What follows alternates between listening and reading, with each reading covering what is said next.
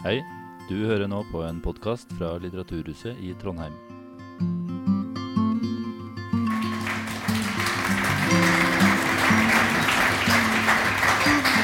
Eh, tusen takk for det, og velkommen til dere alle sammen. Mitt navn det er Jo Skurdrud. Jeg er journalist i avisa Klassekampen, og jeg skal lede denne samtalen om kjernekraft, som skal vare i nøyaktig 45 minutter. Vi har et ganske stramt eh, program her i dag. Vi kommer til å sette av noen få minutter mot slutten av samtalen til noen korte, konsise spørsmål, ikke meningsinnlegg, fra dere i publikum. Eh, og bare så dere vet det, så blir denne samtalen tatt opp for å bli spredt til et enda bredere publikum. Um, stadig flere mener jo at Norge bør satse på kjernekraft i fremtiden. Men er det egentlig i det hele tatt realistisk? Eh, og for å svare på det, så har vi hentet inn to strålende eksperter eh, som jobber med dette i det daglige. Og de er Sunniva Rose, som er kjernefysiker og kommunikasjonsdirektør i Norsk Kjernekraft, og som også underviser om dette på Universitetet i Oslo. Og Erik Wahlstrøm, som er instituttleder ved Institutt for fysikk ved NTNU her i Trondheim. Eh, og jeg tror jeg skal starte aller først. bare kan dere gi en superkort og fryktelig konkret forklaring på hva er egentlig kjernekraft for noe? Sunniva, kanskje kan starte med deg, da. Kjernekraft det er en måte å produsere energi på ved at vi har tunge atomkjerner som deles. Da blir det varmt. Varme kan vi bruke til å koke vann. Damp får vi da av det, og med damp kan vi drive en turbin og lage strøm. Så prinsippet eh, for liksom strømproduksjonen er samme som alle andre varmekraftverk, kullkraft eller gasskraft, men varmen kommer fra atomkjerner som spaltes, og ikke fordi man brenner noe. Er du enig i denne forklaringen, Erik? Ingenting å tillegge der, tenker jeg. Kjempeflott. Da er vi alle om bord. Da vet vi alle hva kjernekraft er for noe. Men det er jo sånn at stadig flere mener jo at kjernekraft det er noe vi i Norge bør satse på. Det er jo ikke noe vi har i noe omfang eh, i Norge. Eh, så, så, men nå har den debatten har virkelig begynt å komme her eh, til lands. Da er jo spørsmålet Det store spørsmålet er kjernekraft i det hele tatt realistisk her i Norge? Ja. Ja, ok. Dette skal du få lov til å utdype litt mer. Er det Men altså ja. ja. Altså, det, nå jobber jo jeg i et selskap som, som, har som sin største målsetting å etablere kjernekraft i Norge. Jeg skal ikke late som noe annet enn det. Hadde jeg ikke trodd at det var en realisme i det, så hadde jeg jo ikke hatt den jobben. Så jeg er veldig klar over at det er et langt maraton. Veldig mye som kan gjøre at vi ikke får til det målet. Men det er realistisk. Um, hvilken del vil at jeg skal fokusere på? det? på si? altså, det, jo, det, det, det, handler jo om et valg om å gjøre det. Er det noe vi ønsker eh, å gjøre, eller er det noe vi ikke ønsker? Eh, har vi, dette selskapet som jeg jobber i, har jo da nå eksistert litt over et år. På det drøye året så har vi blitt kontaktet av snart 50 kommuner rundt om i hele landet som eh, i større eller mindre grad er interessert i da, å lære mer. Noen har jo da gått så langt at de bl.a. de to kommunene Aure og Heim, som sammen med Norsk Kjernekraft forrige uke leverte en såkalt melding om forslag til utredningsprogram til Olje- og energidepartementet, som er første steget på vei mot konsekvensutredning før man da får konsesjonssøknad, før man da eventuelt faktisk kan begynne å bygge. Dette her har vi jo, altså vi har jo det regelverket i Norge. Vi har atomenergiloven fordi vi har hatt eh, forskningsaktivitet rundt, eh, rundt kjernekraft eller kjernefysikk i mer enn 60 år. Så ja, det er en lang vei å gå, men det er mulig. En ting til. Et annet land som, som, man kan, mange land man kan se til. Polen er et land som heller ikke har hatt kjernekraft som energiform. De har også hatt en forskningsreaktor. Der har de gått hardt inn for at innen 2040 skal gå nærmest helt over fra kullkraft som de har, til kjernekraft. Hvis Polen kan få det til, så tror jeg Norge kan få det til også. Hvis vi ønsker det. Ja. En av de som har forska på dette, er jo, er jo deg, Erik. Altså, du har jo jobba med, med, kjernekraft eh, lenge.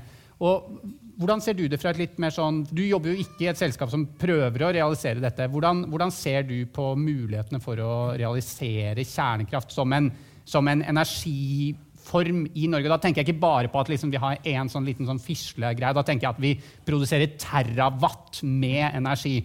Eh, hvordan ser du sjansene? For å korrigere litt, da. Det, det er ikke mitt forskningsområde. Ja. Derimot så er jeg instituttleder, så det er veldig viktig for et institutt å ha en altså, Om vi tar et eh, altså, Det kobler egentlig til et spørsmål. Va? Om Norge tar om å starte med kjernekraft, eh, da trenger du egentlig et helt spekter av kompetanse, som eh, skal ha også den tverrfaglige kompetansen mot kjernenergi. Eh, og det er et utdanningsspørsmål og veldig viktig for, for et universitet å holde seg i bit om. Så, så det er liksom der, det som er min utgangspunkt. Då. Ehm, og sen tror jeg i det lange loppet så handler det om vilje og kostnad. Eh, og det er egentlig de to sakene man må være veldig edru i når man eh, utreder og når man tar til vare på det. For det liksom er det er, det er det som er beslutsunderlaget. Uh, som jeg ser det, så vi står i et par ekte dilemmaer som uh, nasjon. Eh, det er litt svårt å se på horisonten liksom, hva, hva som løsningen. Eh, og det her er en bit i ekvasjonen som man måtte eh, ta inn. Da. Så- Men, men fordi det, her er du jo inne på noen av disse dilemmaene. For det er jo sånn at dette her handler jo om ganske viktige valg. Altså, Norge vi eh, trenger antagelig veldig, veldig mye mer energi, eh, kraft, i framtiden for å realisere disse ambisjonene om grønne satsinger og sånt. noe. Og så handler det jo også om at den energien, den må ikke være klimafiendtlig, fordi vi må løse klimakrisa. Og da er, er det jo et spørsmål Altså, Norge har jo masse kompetanse innen vannkraft, og bygge ut og optimalisere vannkraft. Der er vi noen av de beste i verden.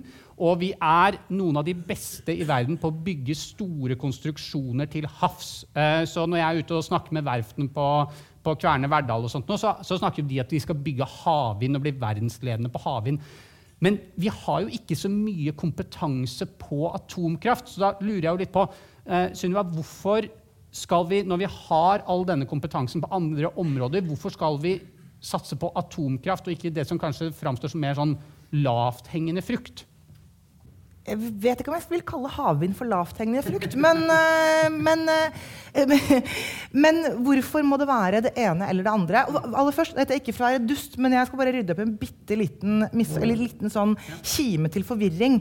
Fordi du sa vi trenger mye mer energi fremover. Og så blander du sammen med begrepet kraft. og Det er ganske vanlig. Og det, fører til at man får en litt sånn forvirrende samtale i utgangspunktet. Jeg føler absolutt ikke at du er dust her. Jeg tror Nei, dette her er folkeopplysning på høyt for Det er utrolig Ja. viktig for den generelle debatten rundt hva skal vi gjøre fremover. Fordi saken er at den totale energisituasjonen i Norge i dag den er sånn at ca.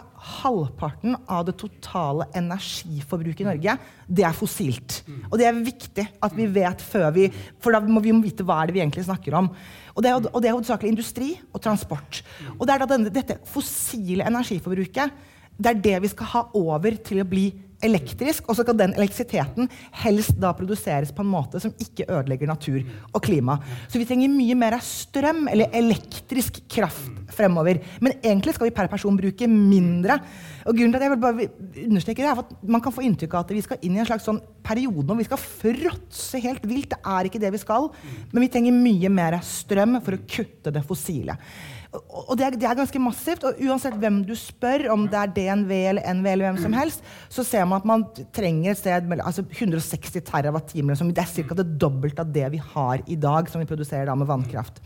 Og for å få til det det er krevende. Vi trenger antageligvis alt som kan krype og gå av da klimavennlige løsninger. Vind er én. Jeg tror vi skal både vind til havs og på land. Og så fører det med seg sine utfordringer. Så er spørsmålet kan kjernekraft være med å gjøre det mer sannsynlig at vi ikke også misser 2050-målene? For jeg tror, vi, jeg, jeg tror ingen egentlig tror at vi kommer til å nå 2030-målene. Nei, altså, den, altså Det eneste som tror på klimamålene per i dag, er Jonas Gahr Støre. Altså når de Ja. har sånn håndsopprekning. Og helt ærlig så er han, han han er programforplikta ja. til å rekke opp den hånda, så vi er litt usikre på om han Ja. tror på det, han heller. Altså, Så- det, det, det vi ikke skal prøve vi må, altså, Ethvert steg fremover er et steg fremover. Men jeg mener vi må ha da så egentlig spørsmålet ditt, vi må ha flere tanker i hodet på en gang. Flott med havvindsatsingen og de utfordringene som er med den. Det er ikke lett, det heller. Det er litt rart at det blir sett på som en veldig lett og billig løsning, fordi det, det er det jo ikke. Så er, kan kjernekraft være med. Ok, men da kommer vi til, La oss, la oss gå inn i de konkretene her på kjernekraft. Eh, og her må jeg igjen bedre om å være ekstremt kortfatta og, og konkrete. Men gi meg deres tre, de tre største fordelene med kjernekraft, som, eh, med kjernekraft og de tre største utfordringene, bakdelene, slik dere ser det. Erik, du kan starte. Topp tre, bunn tre. Ja, alltså du har eh, fördelar är energidensitet. Altså du, du får veldig bra kompakt energi ut. Um, dessutom tenker man i det her sammanhanget kan man ta fram at det er en moden teknologi i, i mange strekk. Alltså. Altså, hva, bare utdyp. Hva mener du med når du sier en moden teknologi? Ja, altså, du, altså de tradisjonelle kjernekraftverkene er modne. Ja. Du, du har haft en god utveckling utav det og du, du vet hvor mye av problematiken ligger. Mm. Det innebærer også at du vet altså, lite om mengden av industri du behøver rundt om det. Eh, skal vi se, tredje, eh, Hva skal man si der? Eh, glemte jeg bort det. Så. Nej, vi kan... eh, Ja, da, da, da klarte vi eh, to. Bare to, i tre. hvert Ja. fall. Jeg vil si Den er regulerbar. Altså at du, har da, du kan produsere energi når du vil produsere energi. Ja, altså, ja, ja, men Det er kjempeviktig. Det er kjempeviktig fordi det er jo noe av det store problemet med vind og sol og, og havvind. At den kommer, men den kommer ikke når du nødvendigvis vil ha den. Ja. Nei, Du får kjempestor produksjon når det blåser eller når solen skinner, og så får du ingen produksjon på det motsatte. Og det er veldig utfordrende på Ja. sin måte. Så den er regulerbar. Ja. Eh, og så er det vanskelig å bare plukke ut tre. Den er jo den aller tryggeste energikilden vi har. Av alle. Eh, altså det det Ja, er ja, men Vi kan komme tilbake til det etterpå. Ja, Rent sånn ja. tallmessig. Ja. Eh, og så, ja, det at, det er, at den er så ekstremt energitett, er viktig, fordi det gjør da at den er den mest klimavennlige, den mest naturvennlige, den mest miljøvennlige. Fordi den er så ekstremt energitett. Ok, Men la oss, ta, la oss ta de tre største utfordringene da, ved kjernekraft, slik eh, dere, dere ser det. Jeg lurer på om jeg Ja, vil Erik? Ja. Ehm, utfordringarna är, det är också de tradisjonelle. Um, altså det er en industri som baseres på radioaktivt material Ja. uh, av ulik lang lång halveringstid. Mm. Eh, och det gör den mer, alltså det, det, det är mer HMS-utfordringar runt det. Eh, jag säger inte att de inte är lösbara, men de finns där. Ehm, eh, det för med sig lagringsbitarna i det. Ehm, det är också om du sammanlignar med vannkraftanfall, så har du, du har en mycket större industrikedja runt det. Alltså du har utvinning av tungmetaller och du har lagring av tungmetaller. Så det är en, eh, det är en viktig bit också hur, hur du hanterar den biten. Ehm, och sen är det ju, eh, i alla fall i den klassiska, så har det ju väldigt eh, starka kopplingar mot vapenindustri och eh, möjlighet att utveckla vapenteknologi då, Mm, mm, mm. eh, som också har reguleringsbitar kopplade till sig. Kjempefint. Hva, hva tenker du, Sunniva? Hva er de tre største utfordringene, slik du ser det? Jeg syns det faktisk altså jeg syns det er vanskelig um, å plukke ut uh, sånn Som jeg ser det, så er en av de største utfordringene med kjernekraft sånn fra et norsk perspektiv, det er myter. Eh, det er mye sånn myter rundt det. Og det, og det er bl.a. knyttet opp til dette at det er radioaktivt. Og man opplever at det at noe er radioaktivt, det er noe helt annet. Det er mye vanskeligere enn alle mulige andre ting. enn som ja, alle energikilder krever, fører med seg avfall og sånn. Ehm, myter, ja. Og så blir det jo dratt fram dette med avfall. Men deponiet for avfall må vi bygge uansett. Og kjernekraft produserer jo minst avfall av alle energikildene. Så det er en, i hvert fall i folks hode er det en kjempestor utfordring. Eh, det er vel en utfordring det at ehm, at det, det krever store enkeltinvesteringer. Ja, Over tid så er kjernekraft ikke dyrt, men det krever en veldig stor investering å bygge kraftverket. Mm. Ok, Fordi, men eh, Kjempebra. Da føler jeg at vi har fått noen av, eh, av utfordringene her. Men eh, vi må gå tilbake til noe som overraska meg litt her. Fordi du sa at det er den tryggeste eh, energiformen. Og jeg tror når vi hører kjernekraft, så er det veldig mange, veldig mange i Norge Det man ser for seg, er at man, man ser for seg Tsjernobyl. Og man eh, tenker på sånne Fukushima-katastrofe i Japan. Altså at man tenker at dette her Ja, det kan kanskje produsere masse kraft på, på lite, men det er dritfarlig. Og når det går galt, så går det galt med et ordentlig smell. Og så sitter du her og sier at det er den tryggeste energiformen. Hva mener du med det? Nei, da mener jeg da, altså tallene, Det er jo forskjellige måter å se på liksom, hvor dødelig er en energikilde. Ett mål er jo dødsfall per terawatt-time produsert energi. Da kommer kjernekraft helt, eh, altså har de laveste dødsfall per terawatt-time. Den energikilden som tar flest liv per terawatt-time produsert, det er kull. Eh, kull dreper eh, mellom 4000 og 6000 mennesker hver eneste dag. Det er det samme totale antallet som vi kan se som har, altså, som har dødd og kommer til å dø i all fremtid pga. Tsjernobyl. Det er hver eneste dag. Eh, så kan man si at eh, ok, kanskje Ja, det er jo ikke så mye, men eh, dødsfall per terawattime, det er ikke så interessant. fordi hvis det først går galt, så går det så alvorlig galt. Eh, men igjen, det er ikke kjernekraft som har de dødeligste enkeltulykkene. For det er mange energikilder som er sånn at hvis det først går galt, så går det alvorlig galt. Den energikilden som har de dødeligste enkeltulykkene, det er vannkraft. Den aller verste ulykken i energisammenheng var eh, dambrudd i eh, Kina. 1975, tror jeg det var. Eh, det lave anslaget er 60 000 døde. Det høye er over 200 000 døde mennesker. I Norge finnes det en liste på 203 dammer som NVE følger ekstra med på, hvor man ser at hvis det skjer noe her, dambrudd, ras etc., så vil liv og helse kunne gå tapt. Så det er to måter å se på det. Og så kan man også ta med, eller ja, og I den der dødsfall per terawattime så følger jo med sånn dødsfall i forbindelse med gruvedrift og alle mulige ja, sånne ting. Så tallene er veldig veldig gode. Et, det jeg skal si som er eh, det kjernekraft har en utvilsom, eller ikke, ikke så, litt, sånn, litt sånn tvilsom førsteplass i, det er at det er de dyreste enkeltulykkene. Så det er, ja, det er dyrt, ja. men det er ikke dødelig. Men, men, bare fordi jeg tror dette her er en viktig del av samtalen mm. eh, rundt kjernekraft i Norge, som bare pirker enda litt mer borti det. Men så hvis vi eh, bygde et kjernekraftverk i Norge, eh, stort eller lite, kan man da på noen måte garantere at det kommer ikke til å gå i lufta sånn som uh, Fukushima eller sånn som i Tsjernobyl. For det, det, tror jeg er viktig for folk å vite. Uh, jeg har lyst til å bare skille mellom to, altså på de to ulykkene der, for to veldig forskjellige ulykker. Tsjernobyl var en spesiell type reaktor som ble utviklet og kun bygget i gamle Sovjet. Den ble vurdert i Vesten, og en av hovedkonklusjonene i 1986 i da i Vesten var at til tross for at det er mye spennende med denne reaktorteknologien, så har den noen store sikkerhetsmessige problemer og kommer aldri til å bli bygget i Vesten. Så også etter 1980-tallsstandard var Tsjernobyl-reaktoren ikke okay. Den var regna som den var, den var liksom en okay, Og det man sa, var at denne her blir ustabil under gitte forutsetninger. Så kjernefysikere satt ikke og fikk noe overraskelse da dette skjedde i 1986. Dessverre. Så har du Fukushima-ulykken, som er en helt annen type ulykke.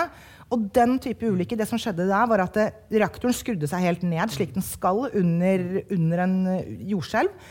Men eh, en ting som kreves av et kjernekraftverk, er at du har veldig stor mengde ettervarme. Så selv om kjedereaksjonen er skrudd av, så produseres det fremdeles varme.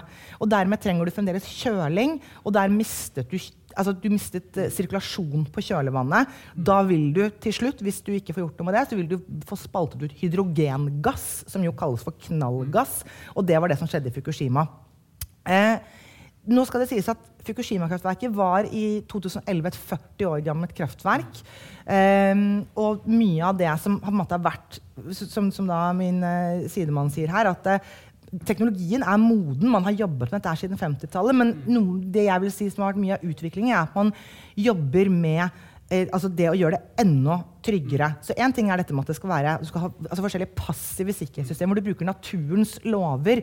og F.eks. de kraftverkene som skal bygges i dag, som jeg antar for eksempel, kommer til å bli bygget ut uh, i, uh, i, Sverige, uh, kanskje også i Norge, er jo bl.a. at det, om, skulle, om, det skjer et strømbrudd, slik at du mister den kjølingen, slik Fukushima gjorde, ja. så kan du bruke naturlig sirkulasjon i vannet, så at du har en uke på deg før du trenger å få koblet til eksterne systemer og den type ting. Men kan du, kan du garantere? Nei. Fordi risikoanalyse er sånn at et fly kan alltid falle ned. Det kan skje ting. Fordi absolutt alle barrierer kan statistisk sett gå, gå galt. Men Erik, hva, hva, tenker du sånn nymotens uh, kjernekraft i Norge?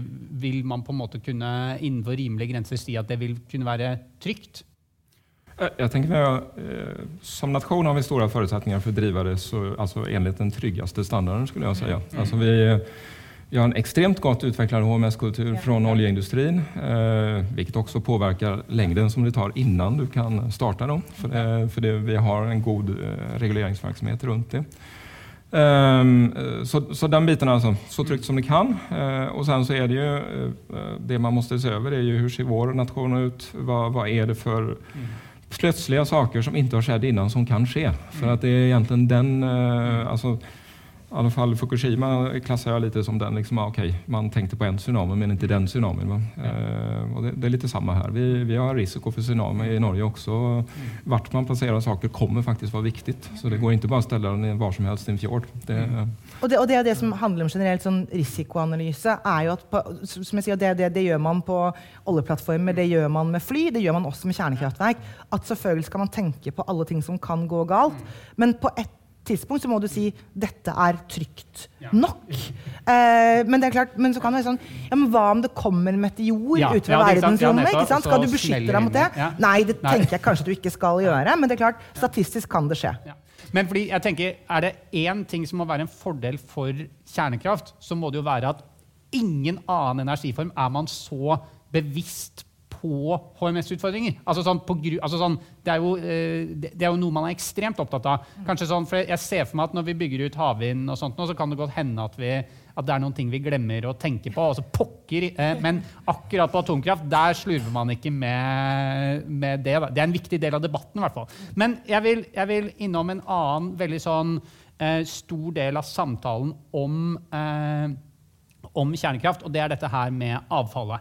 Fordi eh, jeg har hørt at eh, det radioaktive avfallet det er eh, OK, det produserer mye energi, men så må du bruke de neste 100 000 årene på å håndtere dette dritavfallet som det lager. Og det gjør, jo, det gjør det jo til en problemstilling som eh, handler veldig mye om framtida og hva vi gir til fremtidige generasjoner. For det er et eller annet med å legge igjen liksom, en haug med radioaktiv drit til eh, slektningene dine 98 og 100 000 år inn i framtida. Så de moralske sidene ved, ved, det, kan dere si noe om det? Jeg kan, ja. Både om, skal jeg si noe om radioaktivt avfall, men jeg har lyst til å, det jeg syns er rart i energidebatten, er at eh, du og andre stiller aldri spørsmål, jeg, jeg tror du ikke gjør det, om hva med den driten som all annen energiproduksjon legger igjen til fremtidige generasjoner, som ikke blir borte. Det at noe er radioaktivt, betyr faktisk at det blir borte til slutt. Men ja, for, så All energiproduksjon gir en form for avfall. All energiproduksjon gir en form for farlig avfall som vi ikke ønsker skal gå inn i, i næringskjeden osv. Og, og for uh, kjernekraft så er dette da langlivet radioaktivt avfall. Uh, og det er flere ting man kan gjøre med det, men det er sånn som de landene som har kommet lengst på det, det er Finland og så Sverige hakk i hæl, som går på å bygge da deponi 500 meter ned i stabilt grunnfjell, hvor man gjør forskjellige ting, putter det ned, forsegler, og så skal det ikke driftes. Veldig mye av det som har skjedd rundt måte, forskning og analyse rundt denne løsningen her, som man har tenkt på i flere tiår, er verdt å se på og gjøre simuleringer på hvordan kan vi si at dette her er trygt nok. fordi hva om 500 år inn i fremtiden så bor, da, bor det mennesker over dette finske deponiet, f.eks., og de vet ikke at de bor over et radioaktivt deponi, og de lever hele livet sitt der, de spiser all maten sin, dyrket der. Og så selv om, selv om vi sier ja, men det skal, dette skal være trygt her nede, så begynner det likevel så begynner det å lekke ut radioaktive partikler. Hva er det vi da kan påføre fremtidige generasjoner? Og dette har man jo da jobbet nøye med. Ja. Det man da har landet på og sett, er at da i verste fall så kan de komme til å få en årlig ekstra stråledose som ligger langt under den der, det som kalles for bakgrunnsstrålingen, som er altså stråling som vi er utsatt for hele tiden, bare ved å være leve. mennesker ja. og leve. Langt under. Man, et, et, sånt bilde på det er at det tilsvarer det å spise to bananer årlig. Det er, altså, det er ekstremt okay, lavt. så det er sikkerhetsnivået har lagt seg på. Nå snakker du helt andre tidshorisonter enn det, enn det jeg har blitt. Uh, fordi men det blir jo mindre og mindre av det. Det er derfor jeg sier 500. Når jeg snakker med atomkraftmotstandere, mm. så snakker de om 40 000 Altså at, at, eh, at, folk kan dø av det om 30 40 og 50 000 år inn i framtida. Nå sier du at om 500 år så er det snakk om to bananer ekstra. Ja, og så blir det jo mindre og mindre og mindre. og mindre. Det, er jo, det, er jo, nå det er mest farlig. Og så går det så, Sånn synker det nedover. Ja. Så det er egentlig okay. viktigere å si hva om det skjer noe om 100 år. For det er da det på en måte, da er det 500 år det er enda mindre farlig. Om 40 000 år, så på en måte, når, da, når jeg sier at sånn er det om 500 år, så er det enda mindre av det om 40 000 år. Så hvis Ja. det er på en måte trygt om 500 år, så er det ikke noe farligere da om 40 000 Nei, år. da det, er det det, skjønner borte. jeg. Det skjønner jeg. Mm. Så det er det samme Ja, uansett. ja. Men Erik, hva, hva tenker du, hvor, hvor uh, utfordrende er dette her med avfallet? Hvor stor del av debatten om kjernekraft bør avfallet være, tenker du? Det finns et par prinsipielle saker rundt det. Uh, altså det ene er jo uh, sikre säker avfallslagring i ett geologiskt perspektiv som är egentligen det man har när man er 100 000 år. Det är väl eh, pass sådär kan jag tänka. Att eh, det liksom är, jag tänker att där, där är det ju, det är ju principiellt upp till var och en att tänka över det. Är det men jag tror att eh, så länge du inte har stora geologiska processer så är det ganska säkra saker. Men hva vad vet man om 100 000 år då? Och sen så får man ju principiellt tänka igenom om det det är värt det. Det finns ju också, ja, det kan man ta. Sen har du den, den andra biten är ju att eh, Norge redan som land har, eh, alltså vi har haft kärnkraft. Man tar hand om sitt eh, kärnkraftsavfall. Det är liksom den internationella avtalen och det Ja. innebär att du, du redan har problemet egentligen. Mm. Och sen så är det, om du ska bredda det till en industri så är det egentligen att du, du breddar den aktiviteten ganska mycket. Men det principiella problemet och principiella spørsmålet ställdes aldrig til Norge egentligen, utan vi gick bara rakt in i det när vi bygde byggde upp den första lilla högen med, med uran. Men det er et viktig poeng det du nevner her. fordi, fordi vi har hatt disse forskningsreaktorene på Institutt for energiteknikk, så har vi allerede den type avfall som vi er internasjonalt forpliktet til å bygge deponi for. Eh, sånn at, og, og da kom poenget at eh, mengden volummessig er liten. Eh, sånn at det, sånn som for eksempel I Finland så bygger de ett deponi for da hele sin industri. Sverige bygger ett deponi. Norge også må bygge ett deponi. Forskjellen er da skal vi på en måte lage, Det er 500 meter under bakken. Skal vi lage én brønn, eller skal vi lage flere brønner til oss en industri? Men ja, det er utrolig viktig, og, og at dette skal man jo selvfølgelig tenke på på forhånd, helst. Ja. Erik? Sen tänker jag att eh, alltså det andra som du nämner runt deponiet är intressant. Alltså det, därför det har med alltså, vapenproduktion att göra. Det är att du har samlat material på ett ställe där du vet att det finns. Ja. Eh, Ja, ikke spre det utover hvor det ligger litt her og litt der. Ja, alltså det, är- det er jo det som man har gjort i selve industriella processen. Det er jo å samle opp det. Vi har eh, fossilt material eh, i olika former eh, som, som gjør det prinsipielt enklere da, å gjøre våpenproduksjon. Så det er, den, det er den andre principiella beslutningen man måtte ta egentlig. Da. Det er om man, om man tycker det utgjør en større fara eller ikke. Så det tycker jag är problemen med, med, med altså avfallshantering. Och, och sen tänker jag att det, fin, alltså det finns det är en professionellt utvecklad industri eh, som fungerar ganska bra. Och sen är det, tänker jag att det finns en preprocesseringsbit som är viktig här när man diskuterar olika sorters kärnkraft. Alltså vi har, du har utvinning av tungmetallerna, det är en industri. Och sen har man, beroende på hur mycket man vill utnyttja kärnbränslet, så har du återprocessering som också är en eh, intressant industri att diskutera. Då. Det, som, som ökar på kompleksiteten. i sant, beslut ikke Du øker kompleksiteten, men det med reprodusering gjør også at du kan minimere avfallet enda mye mer. For veldig mye av det vi i dag Ja. definerer som avfall, er jo ressurser. Ja, som du kan bruke igjen i, i prosessen. Ja, for det er sånn det blir, eh, Jo mer avanserte de blir, jo mer klarer å gjenbruke. Ja, men eh, Resirkulering er utfor. for. Um, men uh, ja, Vi skal snart slippe til noen spørsmål fra publikum, men det er bare ett uh, spørsmål som jeg tenker jeg er viktig å gå inn i før vi gjør det. Fordi jeg skriver som journalist ganske mye om energi. Og et litt sånn tilbakevendende fenomen jeg har merket meg, det er at når ting hardner til i energi- og klimadebatten, så er det alltid noen som kommer med en eller annen teknologi som ikke har noen av problemene som vi står og krasjer i huet mot akkurat nå. Og den er sånn 15, gjerne 20 år inn i framtida, og den løser alle problemene. Og det jeg lurer på, er det ikke en fare for at kjernekraft er litt sånn det derre fata morgana, den luftspeilingen i framtiden, som egentlig bare gir eh, politikere og andre som synes ting er vanskelig, en unnskyldning til å ikke eh, løse de utfordringene vi møter her og nå, med andre energiformer? Ja, jeg, jeg, jeg skjønner det argumentet veldig veldig godt. For det har man jo sett for eksempel, først så, Da man begynte å snakke om vindkraft på land, så pekte man at det blir fint, og så kom det, og så kom det problemer, og så peker man vind til havs, og nå begynner Ja. det på en måte. Er det kjernekraft som er den nye greia? det neste, ja. Det kan ikke, det, det- dette er ikke liksom et fysisk problem som jeg kan regne meg fram til å si at det, det er riktig. Det er klart at det som er med kjernekraft kontra de andre energikildene, er jo at altså for det første så er det som du sier, det er moden teknologi. så Det er ikke sånn at det kommer til å dukke opp noen helt nye ting som dette her vet vi ingenting om. Så vi vet hvordan man gjør det. Spørsmålet er jo kommer folk til å, på en måte, de som nå er positive, kommer til å snu seg rundt når det kan, dukker opp. Eh, jeg vet ikke, men jeg har noen tanker om det. Og en ting som da er med kjernekraft, er som det er blitt nevnt her, det er ekstremt energitett. Så et sånn type et sånn lite kraftverk som da, da he, altså Hele plassen til hele kraftverket, inkludert ytre sikkerhetssone, tar plassen til en fotballstadion. Mm. Lerkendal, liksom. Eh, og da, på det kraftverket så produserer du 2,5 TWh strøm per år. Det er det samme strømforbruket som 160 000 norske husstander. Hvis du heller skulle produsert med for å sammenligne da med Fosen-vindmøllene, ja, ja, så er det da 250 Fosen-vindturbiner. Det at du får det så innmari det er så energitett. Jeg, det betyr at de gjør små inngrep og kan plasseres typisk der du allerede har annen industri. For eksempel.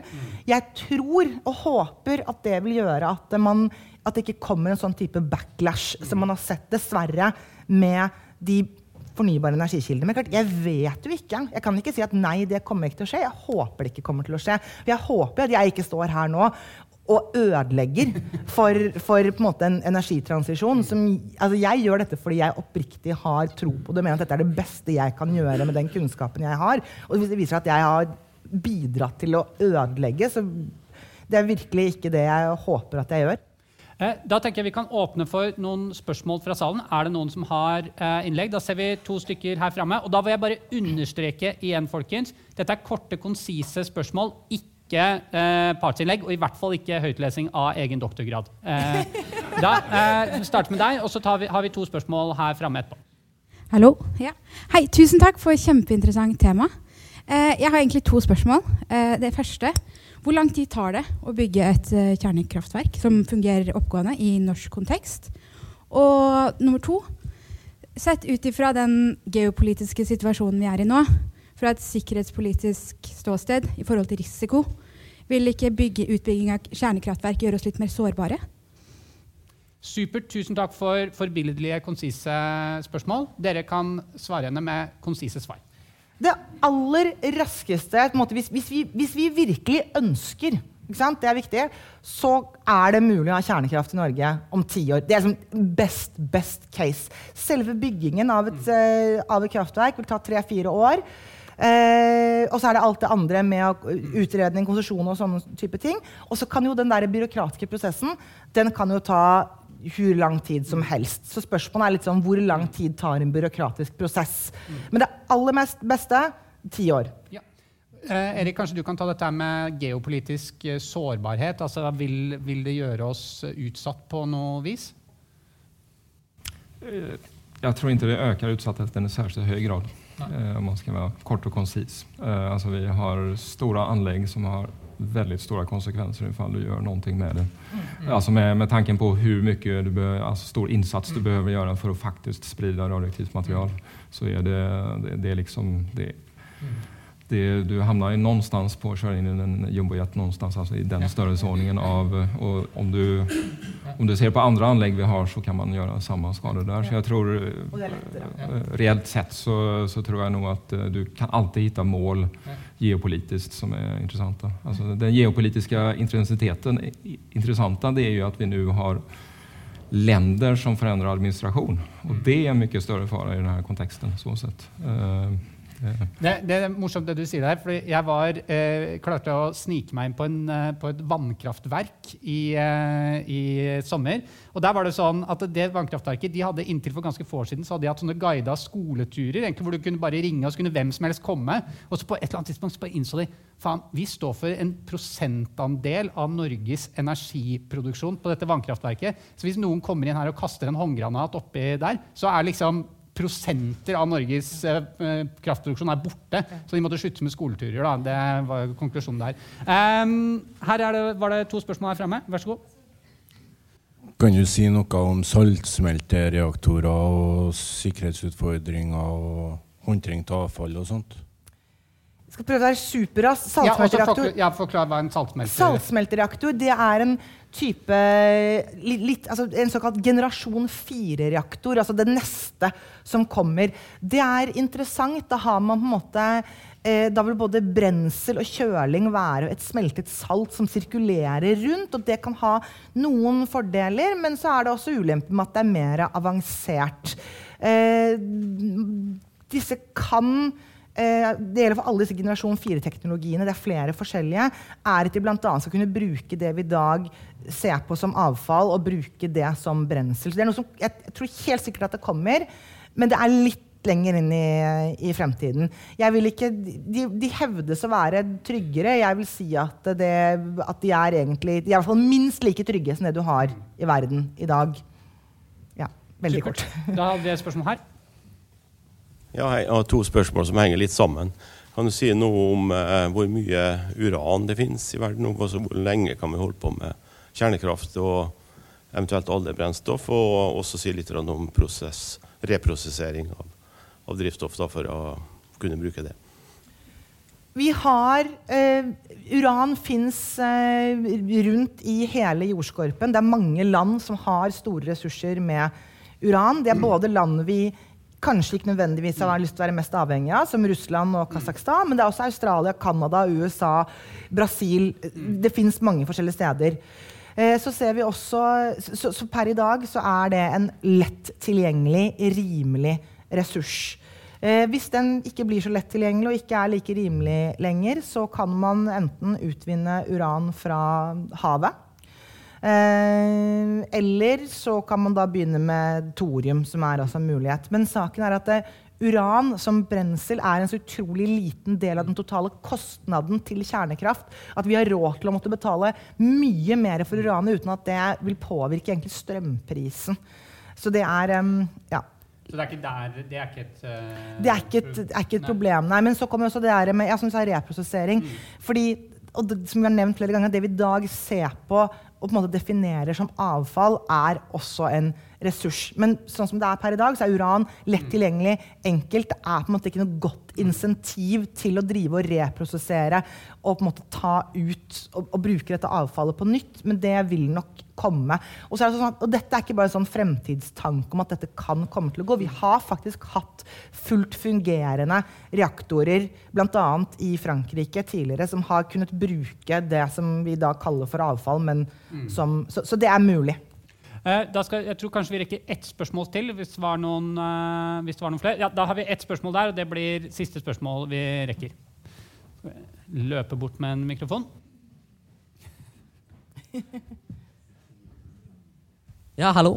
Jeg bare lurte på om det var noe Om det er nok politisk vilje til å bygge ut noe kjernekraft i det hele tatt. Fordi så vidt jeg har eh, observert, så er det kun ett ganske upopulært parti som er for det. Hvordan, er, eh, hvordan opplever dere stemningen? Er det mye politikere som tar kontakt med dere og sånt nå om eh, dette her? Erik? Eh, Jag tror du får noe mer politikontakt. Men jeg opplever jo at eh, vi har jo en del som er ansatt oss som også med mye politikontakt. Så. jeg tenker at det det en veldig skiftende stemning just nå. Og det, som jeg ser det så er det jo veldig viktig at altså, om du börjar väl börjar bli et relevant spørsmål, så er det viktig at man tar rett beslut till rett tidpunkt og eh, med rett konsekvensutredninger. Då. Det skjer mye politisk. Eh, og du, vi må mer enn ett år tilbake før det stemmer dette at det bare var ett ikke så populært parti som var for kjernekraft. Fordi nå eh, i løpet av det året som har gått, så har alle partier på Stortinget, med unntak av SV, har nå landsmøtevedtak på at de i større eller mindre grad skal utrede kjernekraft, eller da gå mye, mye lenger. Det er, enn så lenge så er det sånn at det er den høyrefløyen av eh, politikken som er den mest positive. Det er da Fremskrittspartiet sammen med KrF. KrF er det partiet som faktisk nå går lengst. Eh, Høyre er stort sett positive, men du har enkelte veldig tydelige stemmer som ikke er positive. Men også da på den andre siden, som sagt, så, så er det mye Veldig mye interesse. Um, og bare for å si det igjen, det er kun SV som ikke har landsmøtevedtak om å, om på en måte å være utrede og se på kjernekraft. Kjempeinteressant. Men uh, jeg jeg tenker at vi må innom alle disse, disse virkelig sånn store tinga, motforestillingene som har vært oppe i, oppe i debatten. Og, en ting er jo noe som du Erik, har vært litt inne på. Dette er jo, er jo denne risikoen. Fordi er det ikke en slags fare her for at hvis vi gjør dette, at, det, at terrorister eller fæle aktører på en eller annen måte kan få tak i enten stjele avfallet vårt og bruke det, til å, det til å lage sine egne skitne bomber, eller kanskje at de kan komme seg inn og spre, altså blåse en reaktor i lufta som kunne holde hele Norge som gissel altså ved å lage en atomkatastrofe. Altså, hvor, hvor reelle store er disse risikoene, da? For noe sånt, fiendtlig- at noen fiendtlige aktører misbruker det at vi satser på kjernekraft.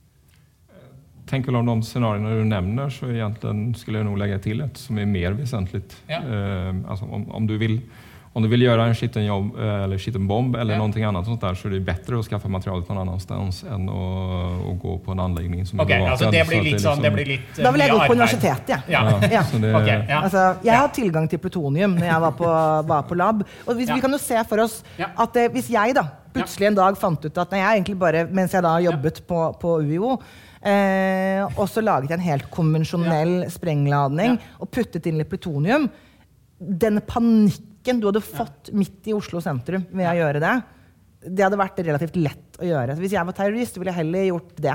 Eller Ok, så det ville rett og slett vært ganske arbeidskrevende å skulle Ja, hvorfor skal du gjøre Ja. den vanskelige jobben Ja, med et kjernekraftverk som faktisk har det fokuset, når Ja, du kan gå på andre absolutt. typer Ja, det- institusjoner? ja. Et sykehus.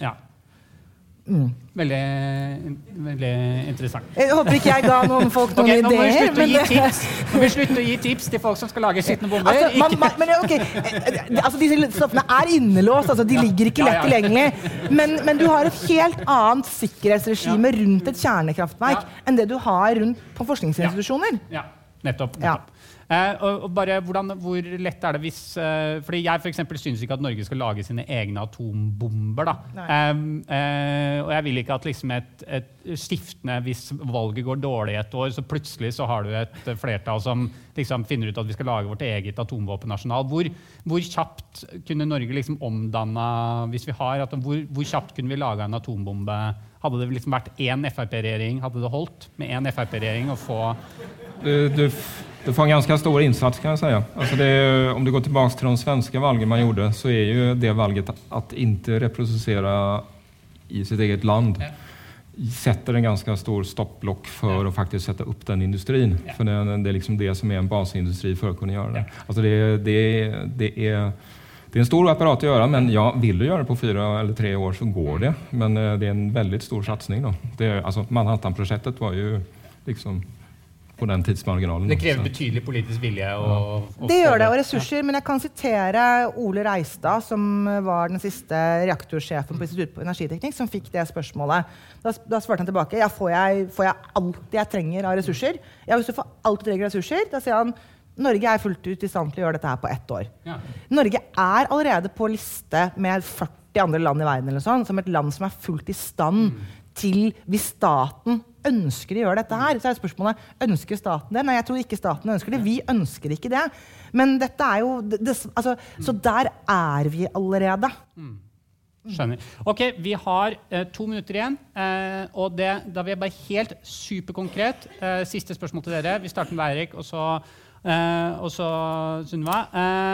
Hvis vi skulle realisere, hvis Norge skal realisere et, eh, altså kjernekraft som energiform, eh, storskala energiform, hvilke konkrete grep bør eh, Stortinget ta nå for å sørge for at det skjer? Altså Premisset er at vi ønsker det. Hvilke grep burde Stortinget tatt nå? Uh. Jeg tycker man skal starte en, en større utredning om det eh, som egentlig har til syfte att Alltså det finns ju, vi har olika koncessionsbitar men det är väldigt viktigt om man vill etablera kärnkraft är att följa med politiskt och, och se vart ligger, alltså, eh, inte styra folkopinionen men informera så att man tar ett beslut som verkligen är fundamenterat i befolkningen. Om man inte gör det så tror jag att då lyckas du aldrig utan du måste se till att det är det och då är det en chanstagning. Så någonstans där bör man börja. Men, eh, Mm. ja. Veldig konkret. Vi starter utredning. Ja. Jeg ønsker at de da skaffer, altså skaffer personer med den kompetansen innenfor NVE.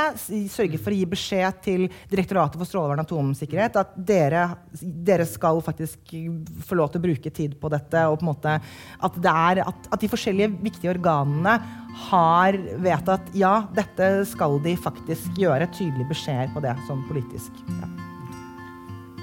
Det var tiden vi hadde. Tusen takk til dere begge to, og tusen takk til publikum. Jeg syns vi alle sammen fortjener en rungende applaus. Særlig